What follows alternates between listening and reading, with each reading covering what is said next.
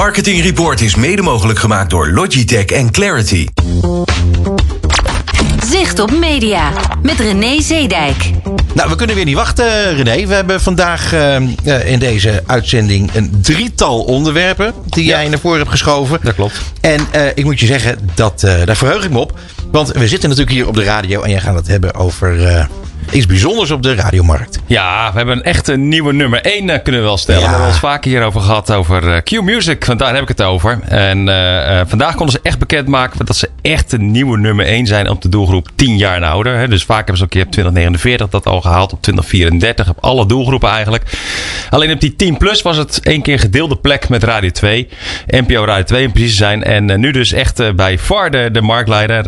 echt, echt fantastisch over de periode augustus-september. Zo nog over de periode dat je allemaal weer een beetje terugkomt van vakantie, weer je, je zender opzoekt. Mm -hmm. En dat, uh, nou, daar hebben ze nu een marktendeel van 11,9 en uh, Radio 2 uh, 11,4. Dus een half procentje loopt dat daarachter. Het is een mijlpaal. Dit is zeker een mijlpaal. ze zeiden ook altijd wel van, joh, het, het is niet de vraag dat het gaat gebeuren, de nieuwe nummer 1, maar wanneer. Hè? En nou, dat is dan nu officieel. Dus argumenten duiden? Nou ja, het is gewoon consequent. We hebben het al eens eerder over gehad. Het is gewoon echt heel consequent beleid geweest van uh, Robert Bernink en Dave Minnebo. Die ook wel eens de gast zijn geweest. Van ja. continu gewoon heel duidelijk die ochtendshow, die middagshow, de top 40. Gewoon echt, echt een hele duidelijke basis genomen.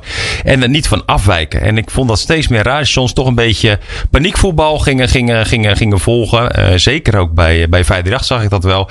Dat allemaal nieuwe programma's en wisselingen en andere discjockeys. En weer in de weekend en dergelijke. En dan ga je uh -huh. paniekvoetbal. En dan moet je nooit op radio doen. Hou hem gewoon stabiel. En dat heeft Q echt fantastisch gedaan. En altijd natuurlijk de, de luisteraars omarmd. Dat is altijd de kracht geweest van Q.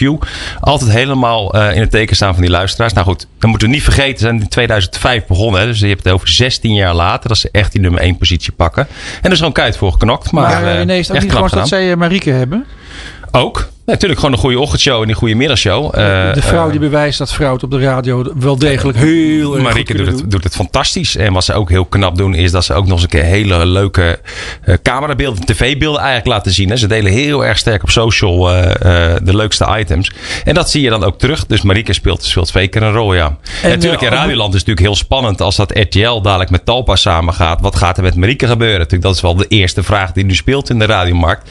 Gaat Marieke dan ooit misschien weer die kant op? En dan zit je opeens weer in het telpakkamp. Dus dat zijn natuurlijk wel mm, spannende ontwikkelingen. Ah, maar ja. goed. Wat ook weer maar vooralsnog. Zeggen, oh, ja, oh, twee vragen. Zeggen ja. dat, uh, het is niet alleen dat uh, Q het goed doet. Uh, het is ook de NPO 2 die zakt weg. Hè? Dat, het gaat twee kanten op. Ja, NPO 2 zakt inderdaad wat weg. Nou denk ik wel dat het tijdelijk is. Want dadelijk komt weer de top 2000. En wat de, de, de, de publieke omroep altijd heel goed doet. Is die combinatie van radio, televisie, online.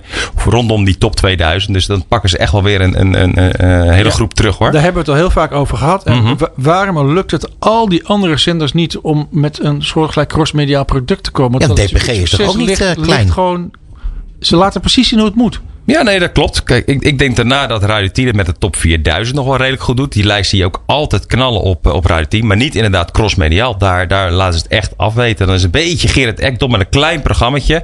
Maar je ziet bij publieke omroep, dan wordt het ook echt omarmd. En, en dat, dat zie je dus bij publieke omroep. Dat dat blijkbaar makkelijker is, terwijl je het daar niet verwacht, dan bij een commerciële omroep. Dat is, uh, maar dat, dat is zo.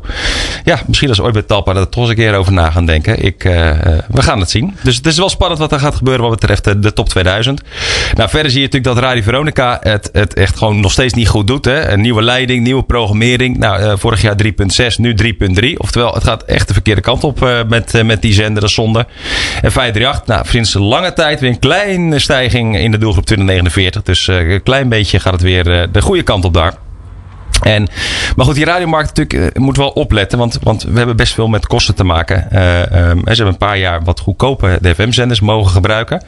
Nou, bijvoorbeeld uh, Q, zo'n zo'n 5,5 ton per jaar betalen ze daarvoor. Maar ze gaan nu weer naar 3,8 miljoen straks in de, in de, in de soort van verlengingsstrijd. Je gaat een paar jaar ga je verlengen. Dus de bestaande zenders weten wel dat ze die FM-plek hebben, maar gaan echt wel weer een stuk fors meer betalen. Dus dat ga je wel merken natuurlijk in je exploitatiegelden. Dus in het maar wat gebeurt, er dan met, wat gebeurt er dan met online? Ik bedoel, hoeven het er straks helemaal niet meer meer op de FM te zitten. Ja, Nee, DHB. maar dat klopt. DHB, dat is eh, geloof ik nu iets van 40% of zo eh, gaf het bereik aan. Maar je moet die omslag nog hebben. Dus voorlopig zijn we nog wel met, afhankelijk van FM. Maar natuurlijk, ik luister ook in de auto heel veel via eh, online al. eh, Ja, dat precies. kan ook heel makkelijk. Maar we zijn gewoontedieren. hè. We zijn soms echt gewend om voor langere tijd al eh, eh, te luisteren via FM. Dat duurt echt nog misschien wel 10 jaar of zo eer echt... Denk je, eh, ja? Ja, dat duurt echt nog heel lang. Ja. Maar, maar het is toch wel overheid, zo? tenzij de overheid er gewoon keihard uitzetten. In sommige landen is dat gebeurd. Dat je gewoon de FM-zender gewoon echt uitzet. Gewoon klaar. Hè, dat je zegt, over het- en dan, dan moet je wel als consument. Als dat niet hoeft. Joh, als, moet je eens weten hoe lang mensen nog naar de AM en zo zijn blijven luisteren. Dat is echt gigantisch. Hoe lang dat nog kan duren. Het is ongelooflijk. Maar Hey, eh, René, de waarde even, neemt dan een toch belangrijke af. vraag. Ja. even een klein vraagje. Eh, tussendoor. Hey, zeg, jij werkt bij Mediabureau Zicht, dus jij weet het antwoord ook op die vraag. Hoe lang moet Q-Music eh, spotjes uitzenden om die 3 miljoen eh, verschil in die licentiekosten te verdienen? Dat doe je niet in een weekje, denk ik. Nee, maar dat, dat reken ik ook niet in eh, een paar seconden uit, eh, Bas. Dat, eh, dat zou ik wel moeten weten. Maar dat heb ik niet gedaan. Had je vanmiddag moeten vragen. Ja, ik het heb hem eerder uitgerekend. Maar mogen we dan, te goed. mogen we dan dit, dit item wel even afsluiten met een hartelijke felicitatie aan Robert Benning en Dave Minnebo? Absoluut. Dik verdiend en heel erg leuk. En misschien al spannend om te vertellen dat die 21 december hebben een hele speciale marktreport. Want dan Ja. gaan we de tv-wereld, de radiowereld zo uitnodigen. En er zit hier Joris van der Pol van Talpa en Rob Bijersbergen, Q-Music, Ja. hier aan tafel. Dus ik denk dat het ook weer een heel mooi onderwerp is om hier verder over te praten. En dan ga jij Bas vragen aan Rob hoe, hoe, hoe lang, Ja. hoeveel seconden ze moeten gaan verkopen voor de 3,5 miljoen. Zo, ben ik, daar, ben ik daar vanaf. Hij popelt nu al om het, eh, om het te gaan vertellen, denk ik. Maar weet je trouwens hoe spannend het is? Als je misschien van de week de Staatskrant hebt eh, gelezen. Ik lees dat niet heel veel. Maar eh, Elke ik ochtend kreeg altijd, dat door. Daar staat, nu, daar staat nu letterlijk in. RTL Groep wil Talpa Network overnemen. En iedereen die belang, belanghebbend is. Heeft zeven dagen de tijd. Dus beste wereld let op. Zeven dagen de tijd om daar eh, op te reageren. Want de ACM heeft die oproep gedaan. Dus het gaat nu echt gebeuren. RTL die Talpa wil overnemen. En dat is letterlijk de kop op 15 oktober geweest. Je hoort er nog heel weinig over. Natuurlijk hebben we gehoord over DPG en Talpa dat het gaat gebeuren. Maar goed, nu staat het officieel in. En eh, een volledige overname, dat, eh, dat staat daar. En wat denk ik spannend is, is hoe gaat de ACM naar die wereld kijken? Kijken we dan naar de totale mediewereld, inclusief een Google en Facebook? Nou, dan is die markt heel erg groot. Is er eigenlijk niet veel aan de hand. Of kijken we echt naar lokale players? Ja, en dan natuurlijk gebeurt er wel heel wat op die tv- en radiomarkt. Dus Eh, Het antwoord is A. spannend. Ja, Want natuurlijk gaat het door. ja, nee, dat gaat ook wel door. Maar moet je, moet je bepaalde zaken nog inleveren of, eh, of Nou, niet? Dat, Voor de eh, bühne misschien. Ik denk het niet. Eh, misschien, misschien een paar oude Brand Deli zenders. Dat zou kunnen. Om zo maar te Oh zeggen. ja. Hey, je zullen Ja. een nieuw onderwerpje pakken? Ja, anders blijven we heel lang hier Ja. bij, eh, bij je hangen. Hoe leuk het ook is, hè? Nou, Wel leuk. We hebben dadelijk eh, natuurlijk allemaal nog wat, eh, wat retail dames zeg maar, hier in de uitzending. Maar online gebeurt er ook heel veel. Eh, een record aan, aan aankopen. Namelijk 77% van 12 jaar en ouder koopt tegenwoordig allemaal online wel. voor minimaal 500 euro gemiddeld aan, aan goederen hier in Nederland. En dat is een forse stijging. 9% meer dan een jaar eerder in de doelgroep 25-45. En dat bleek pas uit recent onderzoek. Maar wel een gelijke klacht vanuit de gemiddelde Nederlander. Want het gaat ten koste van de kwaliteit. We krijgen te laat onze spullen geleverd. eh, technische problemen in het bestelproces. Of verkeerde en beschadigde producten. Dus eh, je merkt wel dat die markt zo hard groeit. Dat ze het niet altijd eh, nog de kwaliteit ja. aankunnen. Ja. Jeetje. Ja, en, en Twinkel liet bijvoorbeeld zien dat Bol.com bij far de grootste is. Dat is echt gigantisch gevolgd door Coolblue, Albert Heijn en Zalando. Dat zijn de grootste online, online spelers. En wat mij opviel, is dat bijvoorbeeld dat Mediamarkt niet eens in die top 10 voorkomt. Dus Coolblue zit je echt op nummer Ja. 2. Maar zo'n Mediamarkt is totaal niet sterk online. Dat is echt, echt een mega verschil met, eh, met Coolblue. Dat is eigenlijk wel heel interessant om te zien. Knap gedaan, hè? Dat, ja, dat is heel knap gedaan. Kijk, Coolblue is altijd vanuit online begonnen. En is later een klein beetje fysiek erbij gaan nemen aan fysieke winkels. En Mediamarkt natuurlijk precies andersom. En dat zie je nu. Dat dat eh, uitbetaalt aan de kant van Coolblue. Ja, weet je wat ik laatst hoorde? Die, Mhm. eh, die jongens in die reclame dan, die dan een beetje stuntelig doen alsof ze daar werken. Die werken daar echt. Hm. Ja, dus ik heb het niet. Dat hoor je steeds vaak. Heel je goed, zag ook hè? bij Kruidvat vorig jaar eh, eh, eh, echte medewerkers. Carglass is ook altijd zijn echte medewerkers die in beeld komen. Dat klopt.